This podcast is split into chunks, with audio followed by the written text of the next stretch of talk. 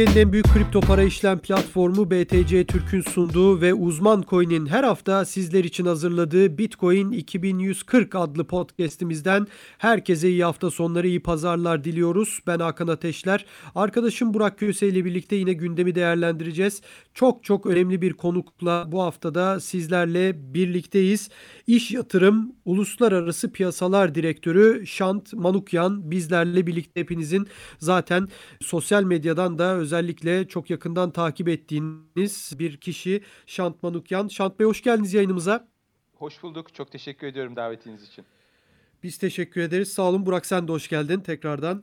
Hoş bulduk Hakan. İsterseniz programımıza başlayalım. Zaten çok yoğun bir haftadayız. Çok yoğun bir fiyat artışı yaşandı Bitcoin'de ve hemen Şant Bey'e istersen Burak ben oradan başlayayım. Girizgahı Tabii. oradan yapalım. Şant Bey gerçekten e, bir iki kere e, bir all time high denemesi yapıldı. Hatta yani teknik anlamda kırıldı da all time high ama herkes 20 bin doların geçmesini aşılmasını bekliyordu ve çok sert bir biçimde 20, 21, 22, 23 şeklinde e, gittik. Yani e, basamak basamak hani amiyane tabirle takır takır gitti ve Bitcoin'de e, 23.800'e kadar yükseldi. Sizin böyle bir yükseliş beklentiniz kısa vadede var mıydı? Bu kadar hızlı 24 bine kadar yaklaşan bir BTC vardı. Siz neler söylemek istersiniz?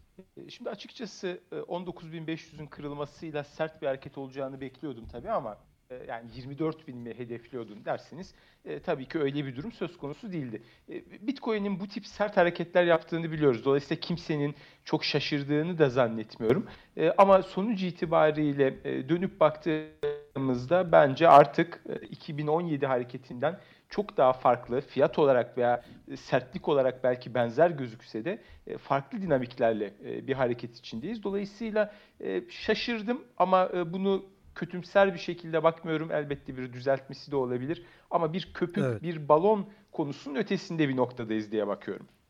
Evet Burak sen istiyorsan devam et. Ee, ben fiyattan değil ama dün gece e, hatta bu gece yaşanan bir gelişmeyle ilgili bir e, soru soracaktım. Ee, ABD'de kripto para cüzdanları ile ilgili beklenen düzenlemeler bu gece duyuruldu geçtiğimiz saatlerde. 3000 dolardan daha fazla para çekme işlemleri için karşı tarafın kimlik bilgileri de dahil olmak üzere kapsamlı KYC isteniyor. 10 bin doların üzerindeki işlemler de FinCEN'e bildirilecek e, buna göre eğer uygulamaya konduğu zaman da. E, Bir de işin DeFi tarafı var. E, Bu düzenlemelere baktığımızda bir karşı taraftan ve onun kişisel bilgilerinden söz ediliyor ama işte karşı taraf bir akıllı sözleşme ise burada bir çıkmaz var. Aslında düzenleme seyahat kuralına benzer. O da önümüzdeki yıl zorunlu olacak sanırım kripto para şirketleri için. Şimdi gelen tepkilere baktığımızda sektörün ileri gelenlerinden bazıları düzenlemeleri korkunç olarak nitelerken işte bazıları da beklenen kadar kötü olmadığını, işte düzenlemelerin netleşmesinin Bitcoin başta olmak üzere kripto paralar için olumlu olacağını söylüyor. Siz bu noktada hangi taraftasınız ve eğer inceleme fırsatınız olduysa getirilmesi planlanan bu yeni kurallarla ilgili neler söylersiniz?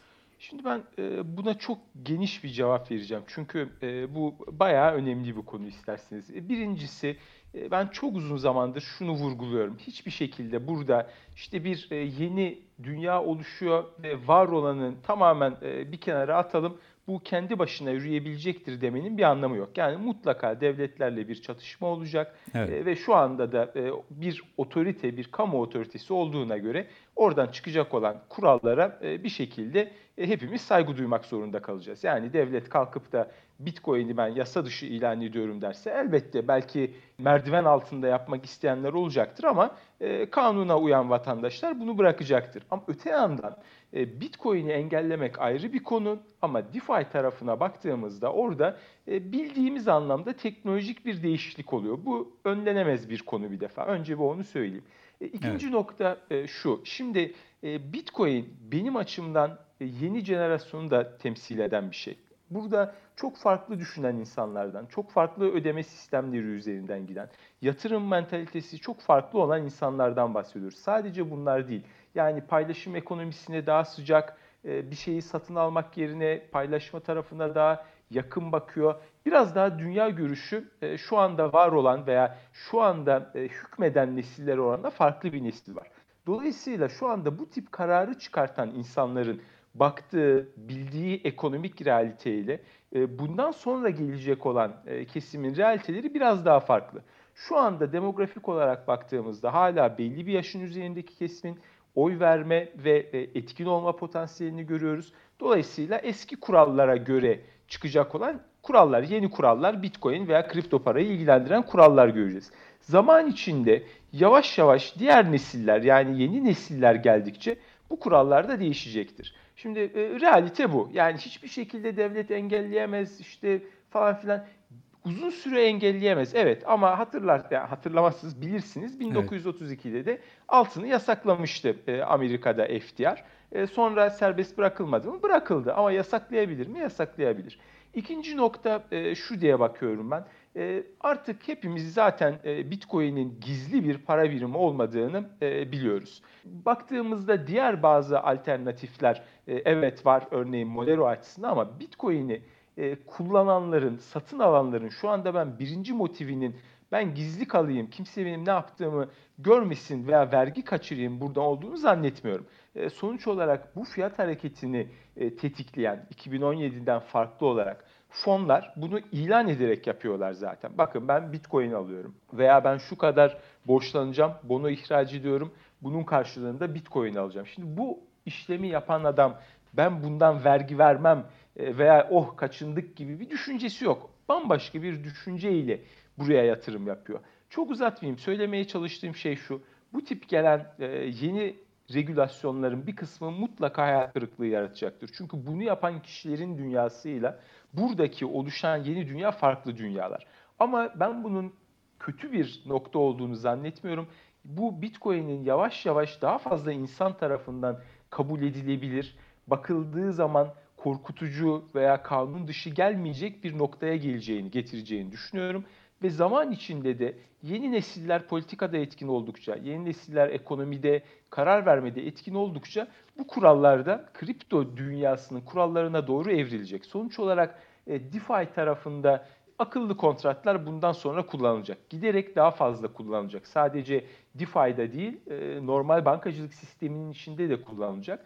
E, o yüzden ilk başta kötümser olarak bakılabilir. Ama hatırlarsanız e, bu konu hakkında zannediyorum Coinbase'in CEO'suydu. İlk evet. tweet attığında çok sert bir satış yemiştik. Şimdi o kadar sert bir tepkiyle karşı karşıya değiliz. Ki o satıştan sonra da toparlandı. Dolayısıyla bu tip adımlar bence nette negatif veya bu konunun önünü kesecek adımlar değil. Kısa vadede de satış getirse iyi olur aslında. Anladım. Ya zaten piyasada muhtemelen bunu çok böyle kötümser karşılamadı ki yani dediğiniz gibi siz de az önce söylediniz. E, fiyatta çok bir aşağı yönlü hareket görmedik. Coinbase CEO'su açıklama yaptığında öyle bir tablo çizmiştik işte endişe ediyorum işte ABD için çok kötü olacak gibi. Yani onun açıklamaları buna baktığımızda daha kötü bir senaryoyu gösteriyordu aslında.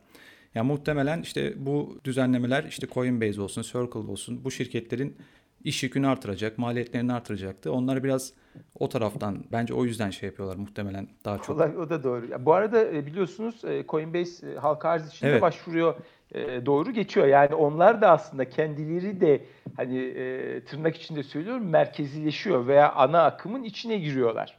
Evet evet onu soracaktım ben de. Bir, bir sonraki sorum oydu zaten. Hatta dün de bu halka arza Goldman Sachs'ın liderlik edeceği yazıldı. Messari bir hesaplama yapmış bu konuda. Halka arzda işte değerlemeyi 28 milyar dolar olarak bekliyor. Yani bu yıl aslında borsalara da halka arzlar adeta damga vurdu. Yakın zaman önce Airbnb 100 milyar dolar değerlemeyi geçti. E, Coinbase'in halka arzının kripto para piyasasına nasıl bir etkisi olur sizce? E, açıkçası bu tip haberleri ben e, insanların dikkatini çekme açısından da e, önemli buluyorum. Yani e, bir defa böyle bir e, borsa var. Bu adamlar bu işle uğraşıyor. E, çünkü bu hisseyi alacaksanız ne yaptığını, nasıl bir para akışı olduğunu, nereden kar ediyor, masrafları nedir vesaire bunları da oturup bilançosunu incelemesi lazım pek çok yatırımcının. Böyle bir karlı model varsa işte Bitcoin'e bakalım vesaire. E, ben yatırımcı tabanını geliştirecek adımlar oluyorum olarak görüyorum bunları. Bir şey yalnız ekleyeyim az önceki konuşmayla ilgili. Beni Bitcoin açısından kısa vadede korkutan şey e, regülasyonlar vesaire değil. Hatta onların iyi bile olacağını düşünüyorum. E, ilk başta sorun yaratsa da. Buradaki asıl problematik şey bence Merkez Bankası dijital paraları. Daha doğrusu bunu neden e, ortaya çıkardıklarıyla ilgili. Bu sadece teknolojik bir gelişme olarak ortaya çıkıyorsa ayrı bir konu var. Ama e, para politikalarında bir sıkışma, artık duvara sıkıştık, bazı başka adımlar atmamız gerekir düşüncesi varsa o zaman rakiplere, işte bu rakipler Bitcoin olabilir, altın olabilir, daha yüksek baskı gelecek demektir. E, bununla ilgili bir regülasyon beni daha fazla kaygılandırır. Yoksa vergiydi, KYC'ydi bunlar zaten hayatımızın her anında e, içinde olduğumuz şeyler. O açıdan çok kaygılanmıyorum. E, bunu da hani konudan uzaklaşmadan söylemiş olayım. Anladım. Bana da şöyle geliyor açıkçası. Son dönemde tabii birçok önemli gelişme gördük. Büyük fonların Bitcoin alımları mesela en son Guggenheim Partners'ın açıklamaları. Mass Mutual'ın 100 milyon dolarlık bir Bitcoin aldılar zaten. Evet. PayPal gibi devlerin piyasaya doğrudan bir oyuncu olarak dahil olmaları. Sanki işte bana sanki bu sizin bahsettiğiniz olasılık nispeten ortadan kalkıyor gibi geliyor ama bilmiyorum yanılıyor olabilirim. E, ne kadar e, dediğim gibi köşeye sıkıştığına bağlı. E, para politikası bir noktada radikal bazı adımlar gerektirirse, radikalden kastım çok derin eksi faizler. Evet. Neden onu yapacaksınız? İşte her şeyi dijitalize edeceksiniz. İnsanlar bankadan parasını nakde dönüp çıkartamayacağı bir dünyaya gidersek eğer e, öyle bir dünyada o zaman boşluk bırakmamak lazım. Yani e, başka yerlerde alternatif varsa e, altına kaçabilirsem, Bitcoin'e kaçabilirsem o zaman atılan bu adımın bir önemi kalmaz. Dolayısıyla bu tabii e, radikal bir senaryo, e, ciddi anlamda da kötü bir senaryo aslında ama hiç olmayacak. Şu anda zaten her şey normal. E, böyle bir şey de nereden aklına geldi demeyecektir kimse diye düşünüyorum. Anladım. Hakan?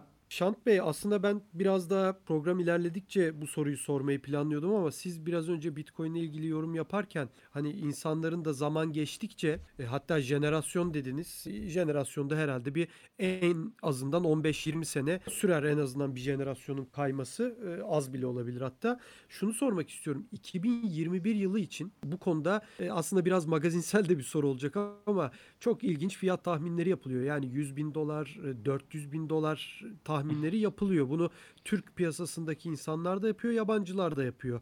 Ee, siz de mutlaka denk gelmişsinizdir zaten sosyal medyada mutlaka görmüşsünüzdür. İleriki dönem için hem ne düşünüyorsunuz? bu ekstra e, ordiner diyebileceğimiz fiyatlar için 1 milyon dolarlara kadar gidiyor hatta ama 2021 sonu içinde böyle bir 400 bin 200 bin dolar fiyat hedefleri var. Gerçekçi geliyor mu size? Neler söylemek istersiniz bu konuda? E, şimdi o tip e, şeyler hiçbir zaman bana gerçekçi gelmiyor. Yani öyle bir fiyat beklentiniz evet. varsa elinize e, zaten kredi, evdekileri sat her şeyle gir olması lazım.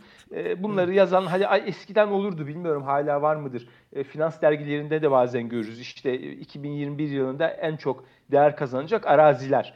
Şimdi tamam da onu bana niye söylüyorsun? Yani değer kazanacağını biliyorsan, inanıyorsan Doğru. zaten senin gidip alıyor olman lazım. Ama e, şu bir e, gerçek yani burada zaten o yüzden 2017'den farklı olduğunu hep tartışıyoruz. Burada artık kurumsal yatırımcıların girdiği e, ve alternatif bir finansal varlık olarak kabul edilmeye başlayan bir varlık var. Dolayısıyla Doğru. burası dünyadaki 3, 300 trilyon veya biraz daha fazla olan yatırım miktarından bir kısmını çekecek. Bu belli. Bu altından çekecek diyebiliriz. İşte JP Morgan'ın devam dediği gibi diğer varlıklardan çekecek diyebiliriz ama bir şekilde ciddi bir miktar çekeceğini görüyoruz.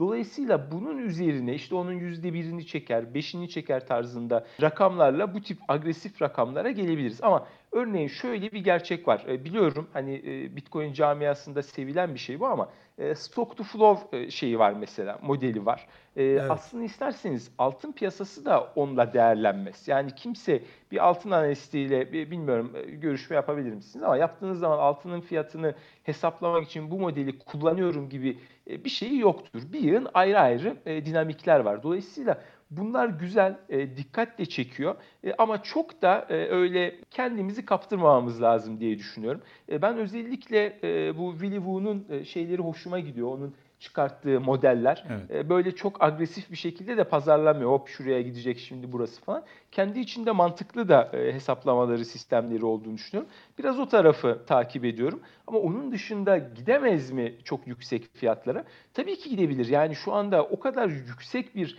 kağıt finans piyasası var ki o piyasadan çıkacak olan %2'lik, %3'lük bir miktar e, çok uçuk yerlere götürebilir bizi. Daha çok düşük sayıda insanın e, elinde Bitcoin var. E, olabilir Tabii. ama olacakmış gibi bunları anlatmak da bana çok doğru, çok sorumlu gelmiyor. Biraz önce yine 2017'den farkından bahsettiniz. Kurumsal firmaların girmesi belki Bitcoin'in çok daha yaygın halde gelmesi şu anda. Bilmiyorum tesadüf mü sizin fikriniz nedir? Yani böyle bir tesadüfte nasıl oluyor ben onu da çok bilemiyorum ama hani yine bir 17 Aralık tarihi zannediyorum 2017'de de Aralık civarıydı böyle bir all time high. 17 Aralık mıydı hatırlamıyorum açıkçası tam anlamıyla ama 17 Aralık. o, evet 17 yine olduğu söyleniyor. Ee, nasıl bir tesadüf olabilir bu sizin gibi hem geleneksel piyasalar hem işte şimdiki yeni modern piyasaları çok rahat aslında karşılaştırabilecek bir kişi olarak siz e, nasıl bakıyorsunuz böyle bir detaya? Şö şöyle diyeyim çok e, profesyonel bir e, şey analiz olmayacak bu ama e, Al Capone'un bir lafı vardır ben e, çok severim. E, sabah e, bana selam veren birisine selam veririm e, öğleden sonra e, gör, gördüğüm zaman tekrar selam verirse şüphelenirim. E, akşam evet. üçüncü kez e, görürsem çekip vururum diye. Şimdi bu e, henüz burada e, sadece şüphelenme aşamasındayız. Yani Doğru. E, devamlı bir şey oluyor demek zor sadece iki nokta görerek. E, ama bir daha böyle bir şey görürsek tabii o zaman başka bir şey oluyor diye tartışırız.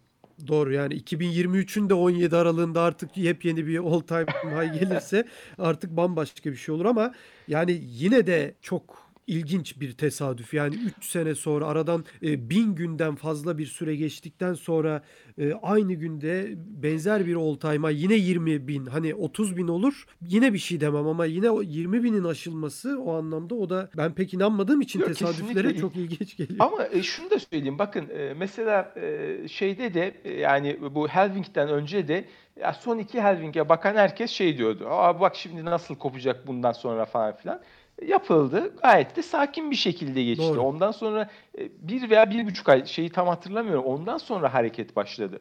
Dolayısıyla e, elimizde çok genç bir enstrüman olduğu için birkaç kez olan bir şeye e, hemen böyle oluyor diye bakmak lazım. Ama kesinlikle yani en azından hoş bir tesadüf. Onu söyleyelim. Tabii.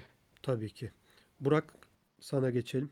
Evet, şu an e, son yıllarda zaten piyasada bir Bitcoin ETF hikayesi var Şant Bey. Evet. Coinbase'in halka arzı olsun, işte bu çok büyük fonların piyasaya girişleri olsun, işte son geçtiğimiz günlerdeki düzenlemelerin netlik kazanıyor olması olsun. Bir sanki Bitcoin Bitcoin ETF'ine doğru gidiyormuş gibi bir görüntü var. Zaten e, ABD Menkul Kıymetler ve Borsa Komisyonu Başkanı da değişecek. E, yeni bir yönetim geliyor Amerika'ya. Bunları değerlendirdiğimizde sizce bir Bitcoin ETF onayına gidiyor muyuz? Bu önümüzdeki yıl gerçek olabilir mi sizce? Şimdi aslında orada e, SEC'nin ana kaygısı e, iki piyasa arasında yani spotla ETF arasında veya spot türev ETF arasında net bir e, bağlantı e, olmamasıydı, görememesiydi. Bunun e, biz negatif etkisini, yani negatif demeyeyim ama e, ciddi anlamda arbitraj yaratan etkisini aslında Grayscale'in e, fonunda da görüyoruz. Yani fon biz kendimizi bildiğimiz bileli veya fon çıktığından beri diyelim net varlık değerinden daha primli olarak e, işlem görüyor. Bu aslında çok da sağlıklı bir şey değil. Yani e, normal fonlarda böyle bir şey olduğu zaman e, mutlaka araya bir arbitrör girer ve oradaki o uyumsuzluğu kısa süre içinde halledebilir. Dolayısıyla SEC'nin bu yönden olan kaygısını ben e, çok da haksız görmüyorum. Çünkü bilmeyen insanların dönüp de %40, %50 primli olan bir varlığı alması çok doğru olmayacaktır. Biz bunu e, yılın ortasında e, BIST'te işlem gören gümüş fonunda da gördük. Yani fon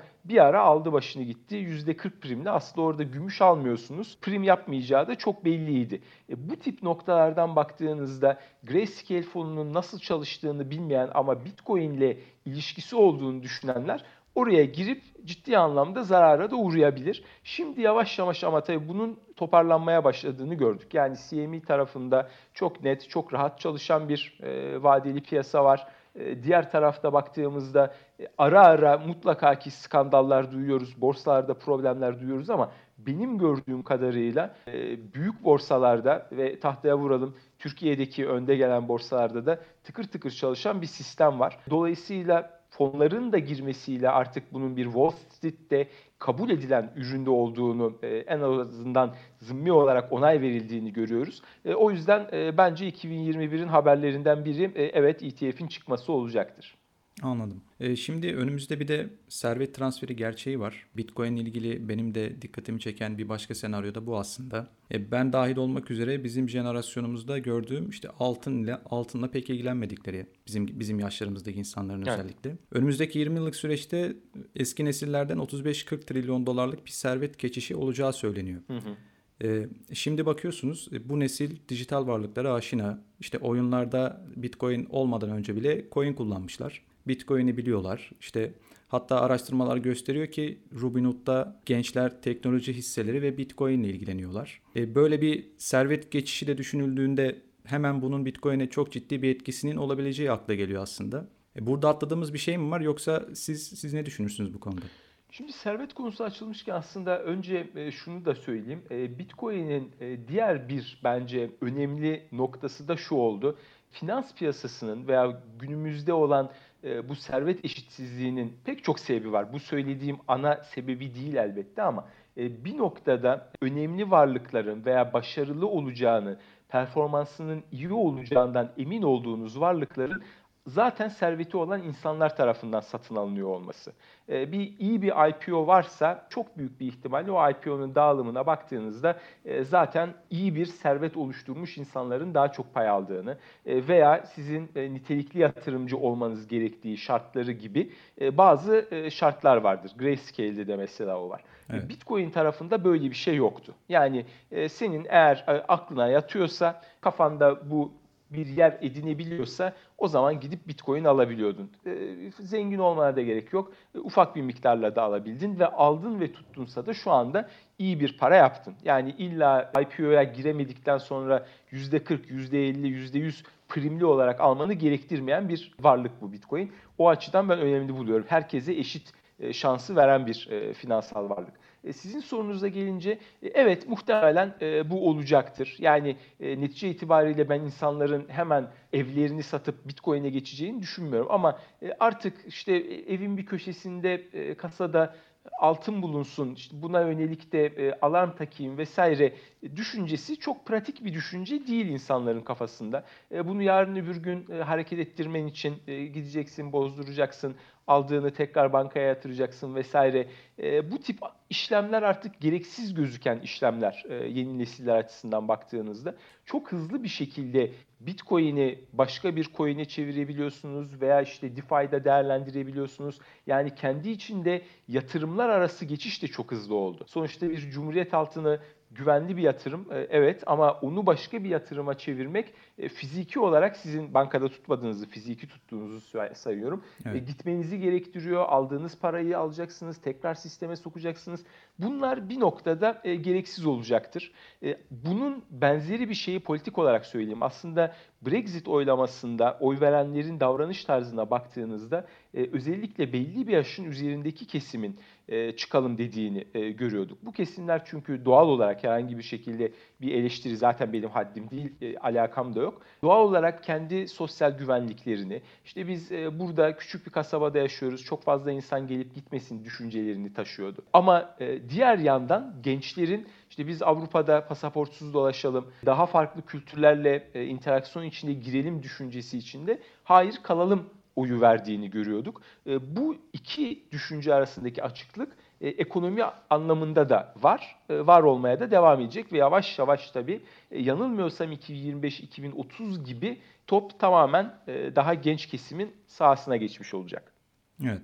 E, Şimdi Bitcoin tabii sık sık altınla karşılaştırılıyor. E, hatta yanılmıyorsam e, Ruffer Investment en son Bitcoin'e yatırım yaptığında altın pozisyonunu azaltıp Bitcoin almıştı onunla. E, bir yandan altın arzı da sanki son yıllarda tartışma konusu oldu. İşte Bitcoin altın fiyatı artınca şirketler daha çok e, altın çıkarmaya başladı veya işte Rusya'da büyük bir altın rezervi bulundu. Önümüzde işte uzay madenciliği gibi gerçekler var. Bunlar konuşuluyor. E buradan bakıldığında sizce altının bu arz meselesi tehlikeli mi?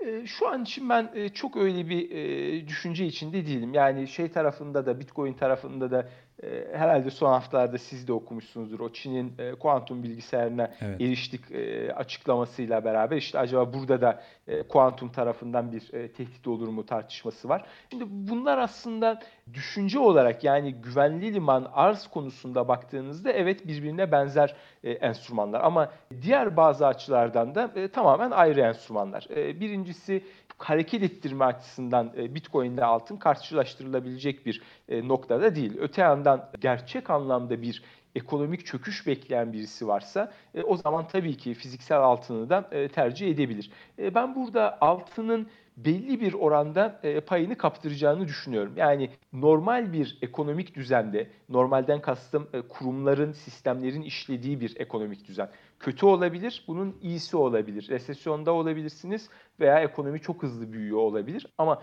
kurumlar yerinde ise altın önemli ölçüde veya belli ölçüde payını Bitcoin'e kaptıracak. Buna hiç şüphe yok. İşler çok kötü gider, e, finansal sistemle ilgili çok kötü e, senaryolarınız varsa belli bir süre için altın daha ön planda olabilir. Çünkü insanların kafasında daha soru işareti olan bir konu altın. E, diğer taraf biraz daha teknolojik bilgi gerektirdiği için e, bence hala e, soru işaretleri devam ediyor.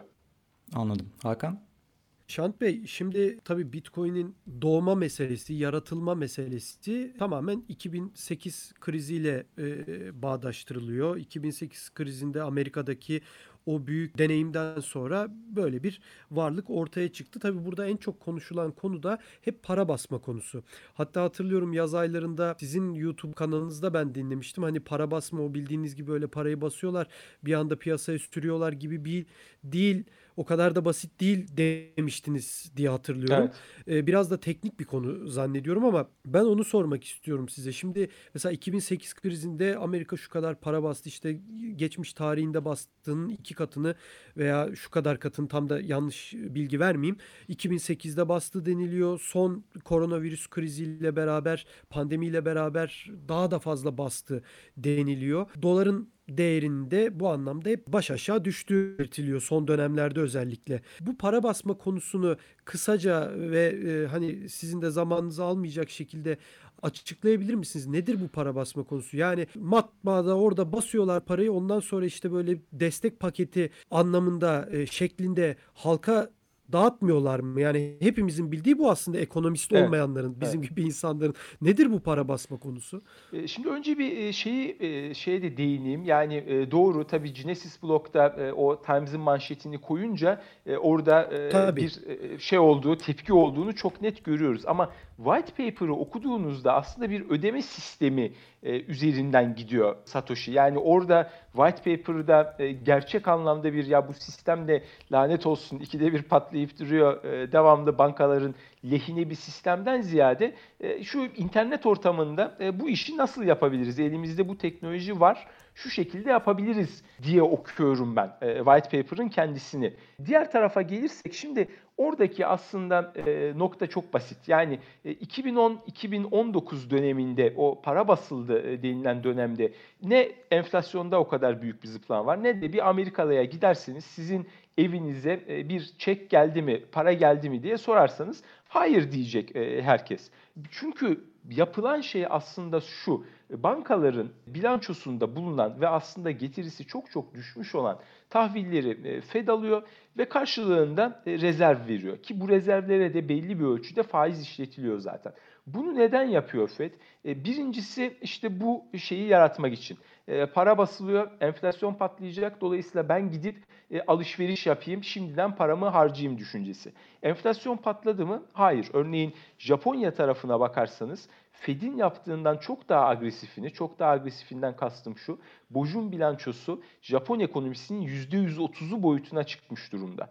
Bu muazzam bir şey. Buna rağmen orada bir enflasyon yok. Neden? Çünkü enflasyon dediğimiz şeyi hala böyle 1980'lerdeki gibi matbaadan geliyor diye bakamayız. Yani enflasyon yükselmiyor. Neden? Birincisi başından beri tartıştığımız demografi nedeniyle. Çünkü yaşlanan bir e, kesim var. Bu kesim iPhone model değiştirdiğinde koşup iPhone almıyor. E, ikincisi teknoloji çok ilerledi. Dolayısıyla çok verimli üretiliyor. Fiyat baskısını indiren bir şey bu. Üçüncüsü Çin. Çin muazzam bir üretici. Çin'in üretim endeksine, üretim fiyat endeksine baktığınızda ekside geldiğini göreceksiniz. Dönem dönem dünyaya çok ucuz mal satıyor. Yani Alibaba'ya girdiğinizde inanılmaz ucuz e, fiyatlar görüyorsunuz. Dördüncüsü internet. Yani artık internete bakmadan, fiyatlamayı kontrol etmeden aramızda alışveriş yapan kimse yoktur diye düşünüyorum. Dolayısıyla bunların hepsinin sonucunda yapısal olarak bir enflasyonda çöküş problemi var. Öte yandan dönüp de konut fiyatlarına bakarsanız, hastane fiyatlarına bakarsanız, okul fiyatlarına bakarsanız bunların hepsinde artış görüyoruz. Neden? Çünkü bunları kolay kolay internetten ikame edemezsiniz. Çin'den getirteceğim diyemezsiniz. Dolayısıyla bazı yerlerde Doğru. çok ciddi enflasyonlar var. Bu para basmakla alakası yok. Diğer yerlerde ise az önce saydığım dinamiklerden dolayı hiç enflasyon görmüyoruz. Bu yıl ne fark etti? Bakın bu yıl dikkat edin. Yani çok basit bir şekilde e, Fed'in bilançosunun patladığı tarihte Bitcoin'i 1-2 aylık dönemde bakın Bitcoin hiçbir tepki vermedi. Sadece ve sadece ilk başta Mart ayında çok sert düştü. Ardından bir toparlanma yaptı. Fiyatı yanılıyor olabilirim. 10 bin civarında uzun bir süre gitti. Birkaç ay gitti. Fed'in bilançosu patlamıştı. Altın yukarıya gitmişti. Ama Bitcoin buna 2 ay boyunca hiçbir tepki vermedi. Şimdi bu Tabii. durumda ya Bitcoin piyasası uyuyor, para basıldığının farkında değil. E, bir tek YouTuber'lar bunun farkında. Ya da ayrı bir şey oluyor. İşte o ayrı bir şey zaten bu fonların buraya girmesiydi. Peki Fed neden rezervleri yükseltiyor? Az önce psikolojik olarak bir Jedi Mind Trick olarak e, anlattım. İkinci nedeni de şu. Fed bankalara diyor ki bakın arkadaşlar ortam çok kötü. Belki size para piyasalarında borç vermeyeceklerdir. Para piyasalarında para bulamayacaksınız. Bundan dolayı kredi vermemezlik etmeyin. Krediyi verdiğiniz zaman hop rezerv burada hazır. Yani kanunen çünkü ona bir karşılık ayırması lazım. Burada hazır. İstediğiniz kadar kredi verin. E, bol bol burada var. Eğer kredi verilme bir kredi hacminde patlama olsaydı evet o zaman bu yapılanlar enflasyona da dönebilirdi. Ama öyle bir patlama da yok. Neden yok? Birincisi ya bankadan bu parayı talep eden yok. Çünkü iş adamı diyor ki ortam kötü. E, ben diyorum ki yarın işsiz kalabilirim. Ya da talep eden bilançosu çok kötü şirketler banka para vermek istemiyor. Bu senenin farkı şuydu. 2010-2019 arasında enflasyon gitmedi. Yine gitmeyecek. Yani Fed'in bilançosu büyüdü dediğinizde yüzdesi olarak bakarsanız ilk başta yani 2008 krizinden sonra 800 milyardan 4,5 trilyona çıktı. Yani yüzdesel olarak burada aşağı yukarı 6 kat bir hareketten bahsediyoruz. Bu ikinci yükselişte yani Mart sonrası yükselişte aşağı yukarı 3,5 trilyondan 7'ye çıktı. Dolayısıyla iki kattan bahsediyoruz. E, ilki çok daha agresifti aslında. Bu kısa zamanda daha hızlı bir hareket yaptı. Bu defa farklı olan şey şu. Sizin dediğiniz Hakan Bey e, mali paket üzerinden evet geldi. Yani Amerikan hükümeti Temmuz ayının sonuna kadar dedi ki arkadaş sen Amerikalı olduğun için sana 600 dolarlık bir çek gönderiyorum. Sonuç olarak bu insanların harcamasını ayakta tuttu. İnsanlar gidip e, harcama yaptıkları için perakende satış verisine baktığınızda 2008 krizinden sonra 4 yıl almıştı yeni zirve yapması. Bu defa 4 ay içinde yeni zirve yaptı. İnsanlar işsiz kaldı ama gelirleri düşmedi. Şimdi insanların işsiz kaldığı bir ortamda siz faizi sıfır yapmışsınız. Bankacılık sistemini rezerve boğmuşsunuz. Hiçbir şey fark etmez. O adam gidip harcamaz. Ha, o adamın cebine para koyarsan ki parayı hükümetin mali politikaları sayesinde koydular. O zaman farklı olur. İşte o zaman para e, harcanmaya başlar. Ki şu anda Mart ayından bu yana Amerika'nın mevduat miktarına bakarsak yaklaşık 3 trilyon dolar artmış durumda. Eğer aşı gerçekten işe yararsa bir noktada bu mevduatın tamamı veya bir kısmı harcamaya gidecek. Bakın o zaman fiyatların arttığını göreceksiniz. E, ama o zaman da FED çok para bastı o yüzden artıyor diyecekler yine yani o değişmez. Evet, evet. Burak sen de devam edelim. E, Şant Bey az önce siz de e, Mart ayındaki fiyat hareket hareketinden söz ettiniz. E, ben de onunla ilgili hemen e, aklıma bir soru geldi. E, yani onu biraz aslında detaylandıralım istiyorum. O güne kadar aslında Bitcoin'in piyasalarla genellikle koreli olmadığı değerlendirilirdi. İşte Mart ayındaki o fiyat hareketi e, bu açıdan birçok insanı hayal kırıklığına uğrattı diyebiliriz. Bitcoin'i servet deposu olarak değerlendirirken bu hareket açıkçası soru işaretleri yarattı birçok insanın kafasında. Şimdi tekrar benzer bir piyasa çöküşünde aynı şeyle mi karşılaşacağız? Neden Mart ayında böyle bir hareket gördük Bitcoin'de? Şimdi şöyle söyleyeyim, ben aslında e, o hareketi son derece olumlu buldum. Kendi yatırım stratejim açısından. Şundan dolayı olumlu buldum. O hareket şunu gösteriyordu, biz farkında değilmişiz, aslında fonlar bunu alıyormuş. Evet. Çünkü e, o hareketin nedeni şu, dünyada e, finansal sistem severiz sevmeyiz dolar üzerinde kurulu. Yani dolar üretmek üzerine. E, dolar finansal sistemin yağ gibi düşünebiliriz. Dolar ne kadar varsa dişler o kadar dönüyor. Dolar çekildiği anda e, o makine stop ediyor. Dolayısıyla her krizde 2008 krizi Amerika'da çıkmış olmasına rağmen bu kriz dünyada çıkan bir krizdi ama 2008 krizi doğrudan Amerika'nın halt yemesinden çıkan bir krizdi. O dönemde yine doların değer kazandığını gördük. Dolayısıyla e, her bu, tip bir krizde ben bilançomu korumalıyım düşüncesi geldiği anda bütün varlıklar satılır. İster altın olsun, ister hisse olsun. Belki Amerikan 10 yıllığını bir kenara koyabiliriz. Her şey satılır, dolar alınır. Burada da aslında bu kadar sert bir düşüş şunu gösterdi bize. Sadece sizin benim gibi tasarruflarının bir kısmını buraya koyan ölümlü insanlar değil, aslında daha yüksek, daha büyük sorumlulukları olan kurumlar da buraya park etmiş ki ya benim dolar ihtiyacım var şunları hemen satayım dolar problemini bununla karşılayayım demiş diye düşündüm ben. Ve e, o tarihlerde benim kafamda yavaş yavaş aslında bunu kurumsallar alıyor bizim haberimiz yok galiba fikri e, oluşmaya başladı. E, ondan sonra makro stratejiyle beraber zaten her şey net bir şekilde ortaya çıktı ki evet kurumsallar e, gerçekten bunu alıyormuş. Bundan sonra böyle mi olacak? Evet yani dolar sistemi içinde olduğumuz sürece bundan sonraki krizde de e, yatırımcı kardeşim bana fonumu geri ver, paramı geri ver dediğinde e, veya fabrikada sana açtığım krediyi kapatmak zorundayım kusura bakma nakit çalışabiliriz dendiğinde yeniden varlıkları satacağız, dolar bulmaya çalışacağız. Bitcoin de bundan etkilenecek. Anladım. Ee, şimdi peki geçtiğimiz günlerde dolar endeksi de 90'ın altına indi. 2018'den beri yine görülmeyen seviyelerde. Aynı periyotta Bitcoin'de de tabii yukarı yönlü güçlü bir hareket oldu. Yani bu ikisini ilişkilendirebilir miyiz? İlişkilendirebiliriz. Aslında isterseniz her şeyi ilişkilendirebiliriz. Sonuçta biz e, şunu konuşuyoruz. Bitcoin 23 bin oldu. Altın 1850 oldu. Petrol 55 dolardan geçiyor.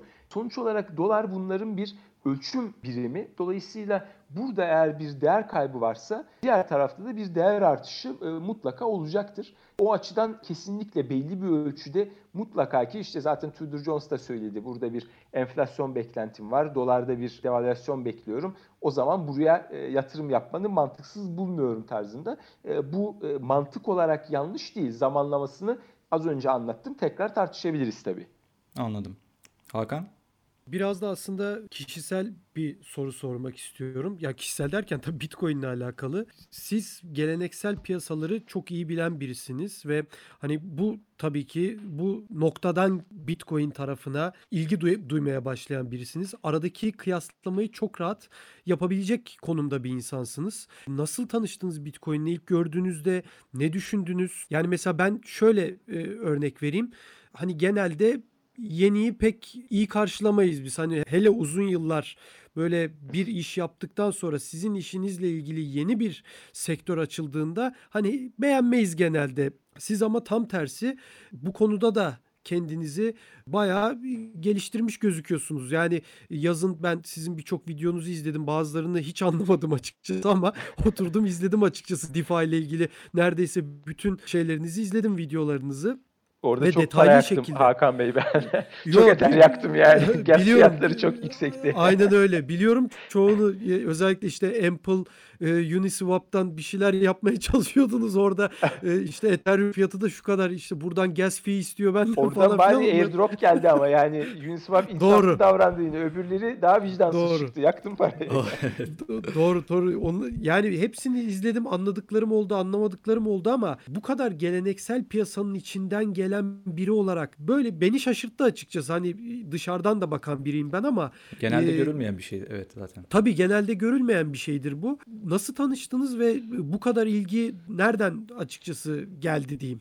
Ya açıkçası e, hani e, şey gibi e, ukalalık gibi olmasın ama o konfor alanını bozmama şeyi ve çok tehlikeli. E, biraz da yaşla ilgili oluyor bazen. Yani ben öğrendim artık biliyorum. E, dolayısıyla işte e, buna bakmayayım. Ama e, diğer taraftan da ilginç bir şekilde ortada bir e, white paper var. E, adam oturmuş yazmış bakın şu şu şunu kullanıyorsunuz. Evet. E, gerçekten de şimdi fiyatı bir kenara bırakıyorum. E, dediğini yapabiliyor musunuz adamın söylediğiyle? Yani A noktasından B noktasına gidiyor mu bu e, varlık? E, evet gidiyor. Yani e, Swift'i kullanmıyorsunuz. Arada bir e, banka yok. E, işte kimse benden e, bir abuk subuk komisyon istemiyor.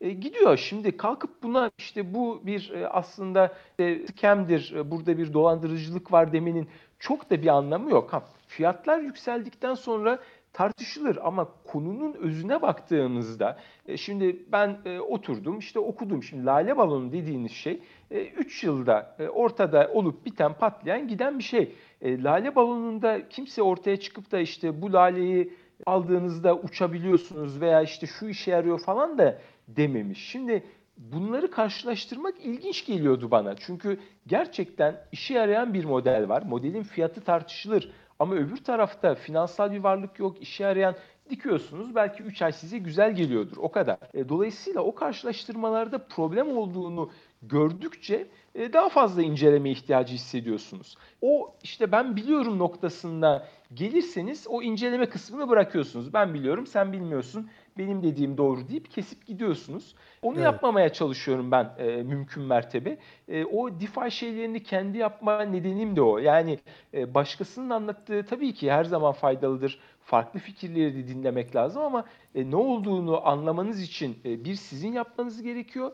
İki, ufak tefek rakamlarla yaptığınızda ve zarar ettiğinizde de neyin problemli olduğunu, orada e, kafanıza neyin oturmadığını anlıyorsunuz. Belki sizin kafanıza oturacaktır. Siz oradan devam edersiniz. E, ben bu işi hani öyle bakıyorum. Yani yeni bir şey çıktığı zaman Ampliford'da da öyleydi. Adam diyor ki burada bir para sistemi oluşturabiliriz. Çok pardon. Aa nasıl oluşturuyorsun? Bir bakalım gerçekten değeri nasıl tutabiliyorsun? Çünkü çok net. Yani önümüzde bir bir kriz daha var ve o krizden sonra rezerv para birimi işte dolardı, yuan oldu şeklinde gelişmeyecek bence. Yani insanlar oturup konuşacak. Bir önceki sistemde problem neydi?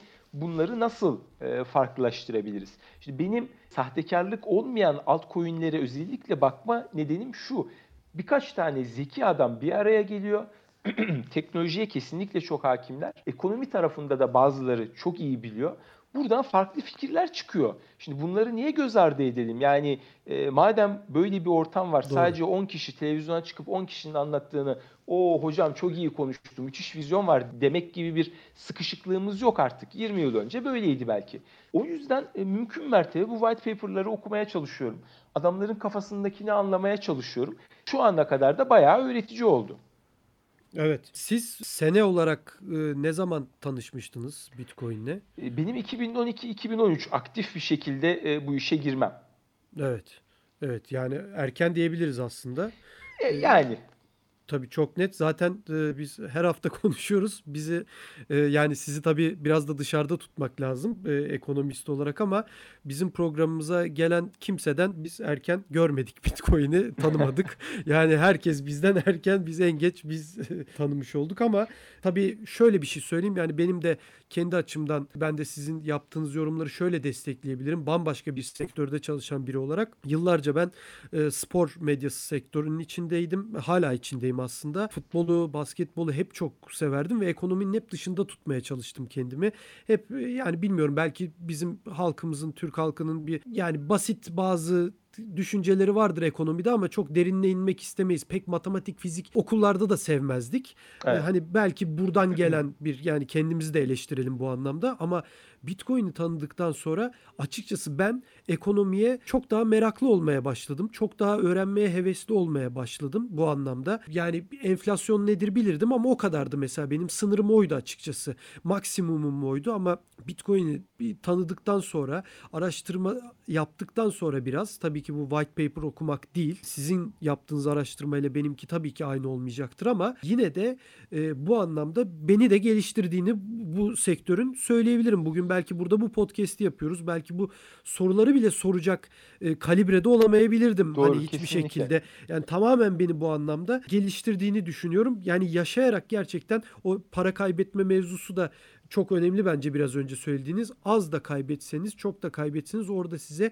o tecrübeyi yaşayarak öğretiyor. Onun için ben de açıkçası hani e, zaten öyle çok trade yapma hevesi olan da biri değilim. Tamamen işin diğer yönüyle ilgileniyorum ama e, hem hoşuma gidiyor, öğreniyorum. E, hayatın bambaşka bir yerini öğrenmeye başladım. Hem de açıkçası Bitcoin aldıkça da yükseldikçe de bazen hoşuma gitmiyor değil onu da söyleyeyim ama öğretici Ya, de oluyor.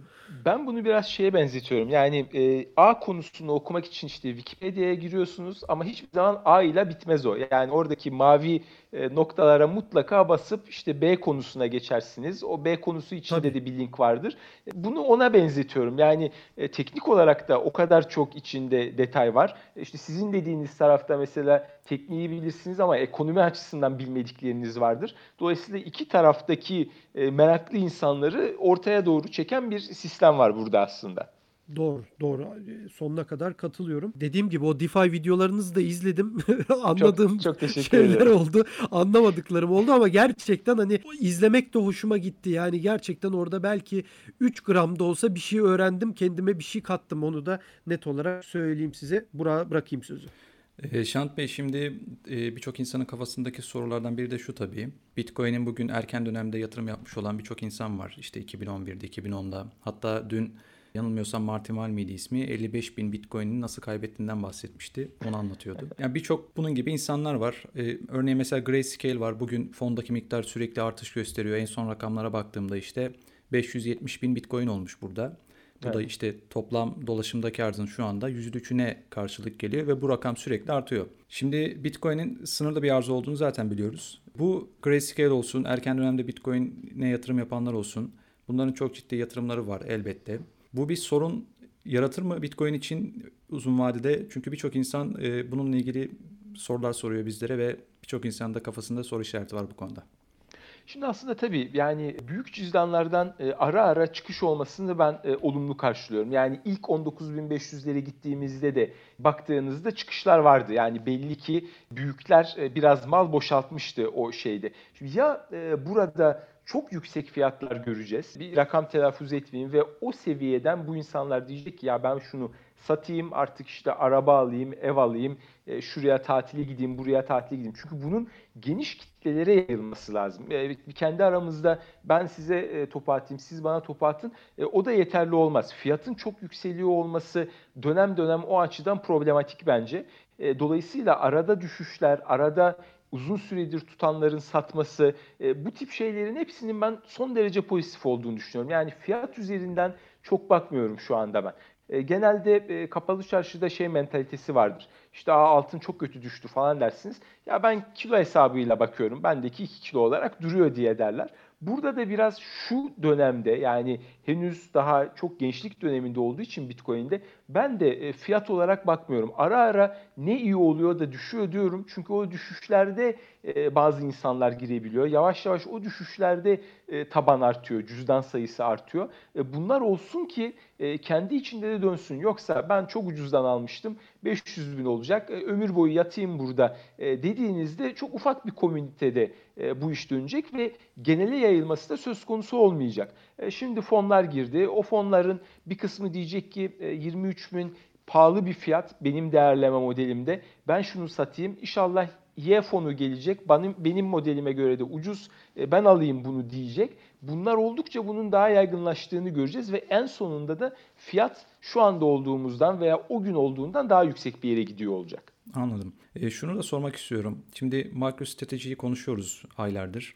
E, çok ciddi alımlar yaptılar. En son 41 bin BTC'ye yaklaştılar. E, hatta tahvil sattılar. Oradan 650 milyon dolar bir gelir elde ettiler. Bununla da Bitcoin alacaklar ve bence şu anda alıyorlar zaten. Muhtemelen fiyat hareketleri biraz sanki onu gösteriyor gibi. Bu CEO'nun işte Michael Saylor Bitcoin'e karşı bu davranışını açıkçası tırnak içinde çok böyle hoyratça görüyor musunuz?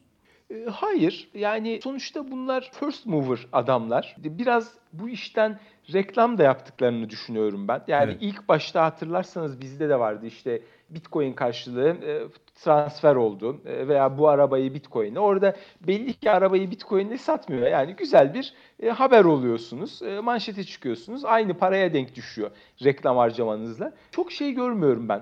Problematik görmüyorum. Yani bu iş böyle devam edecek bir süre için. Şeyde de göreceksiniz bunu. Yani fiyat arttığı zaman Bitcoin'den bahsederek popülarite yakalama olayı da daha popülerleşiyor e, doğal evet. olarak. E, ondan sonra şimdi Bitcoin çöktüğünde ben demiştim diyenlerin çoğu arazi olmuş vaziyette. Fiyat bir daha düştüğünde yine gelecekler. Evet. E, bakın burası e, böyle diye. E, ben doğal karşılıyorum bunu. Anladım. Hakan? Son sorumu ben sorayım. Siz bir Bitcoin maksimalisti misiniz? Direkt sordum ama çünkü çok fazla insan böyle bu şekilde en azından Twitter'da görmeye başladık. İşte hani Bitcoin satılmaz, alınır ama satılmaz hiçbir zaman. İşte 5 sene sonra, 10 sene sonra, 50 sene sonra bile hani siz belki bu dünyadan göçtükten sonra bile çocuklarınıza bırakacaksınız. Bu şekilde yaşayacaksınız. Bitcoin, Bitcoin bütün hayat. Ekonomi bunun üstüne hani kurulu olacak. En sonunda işte dolardı, yuandı, e, hepsi bunların darmadağın olacak. Gidişat ortadadır. Bitcoin bizi kurtaracak. İşte ne diyeyim artık tırnak içinde Mesih'tir artık diyecek insanlar çıktı. Bunlardan biri misiniz diye sormuyorum ama maksimalist kelimesi tabii çok yere çekilebilir. En azından şu satmama olayına katılıyor musunuz? Ben de onu diyecektim. Şimdi ilk yarısına kadar katılıyorum. Ee, ben evet. çok az e, çevirdim. Yani net bir şey Bitcoin'siz kalma olayı bir defa e, yaptım. O ilk 17 bine çıktığındaydı. Sonra 20 bine giderken zaten Allah belamı versin işte niye satıyorsun falan kendi kendimi de çok yedim. E, ondan sonra çok ufak şeyler, e, alsatlar yaptım. Genel olarak benim düşüncem de odur. Yani Bitcoin satılmaz, düşerse alınırım kısmındayım.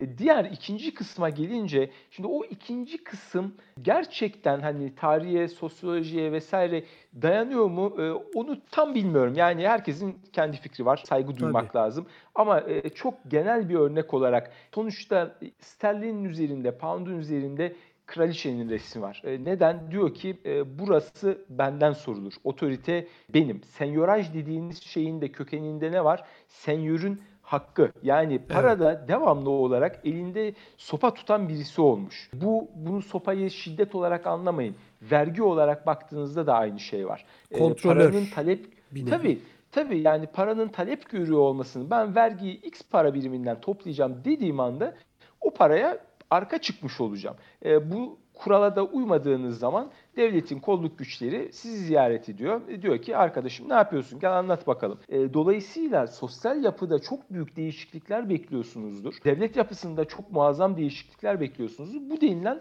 olabilir. Ben o tarafta değilim. Yani bütün bir finansal sistemin dünyadaki e, trilyonlarca dolarlık işlerin Bitcoin üzerinden e, döneceği görüşünde değilim. Bitcoin'in çok önemli bir yerde olacağını düşünüyorum. Ama e, sorunuzun ikinci kısmında e, ben yokum. İlk kısmında varım. Evet. Bir tane daha Burak'ın izniyle bir soru daha sorayım. Tabii. Ee, mesela hani şimdi Bitcoin'in e, revolüsyoner bir varlık olduğu da belirtiliyor. Belki yine maksimalistler bunu söyleyebilir ama özellikle işte Güney Amerika, Venezuela başta olmak üzere Afrika, buradaki bu ülkelerdeki ekonomik artık ekonomik e, buna tamamen işte fakirlik ve yokluk diyebiliriz. Özellikle bazı ülkelerde. Bunu en azından ortadan kaldırabilecek bir şans olabilir mi sizce Bitcoin? Evet olabilir. Yani e, ama sonuçta orada aslında Bitcoin kişisel koruma sağlıyor. Yani e, kamunun yanlış politikalarını düzeltme işine yaramıyor. Tabii Kişisel tabii ben sizi... o, o anlamda sordum tabii, evet. Evet onu e, o işe yarıyor ama e, kamu tarafında e, devlet politikasında, ekonomik politikasında hala e, problemler olduğunu görüyoruz.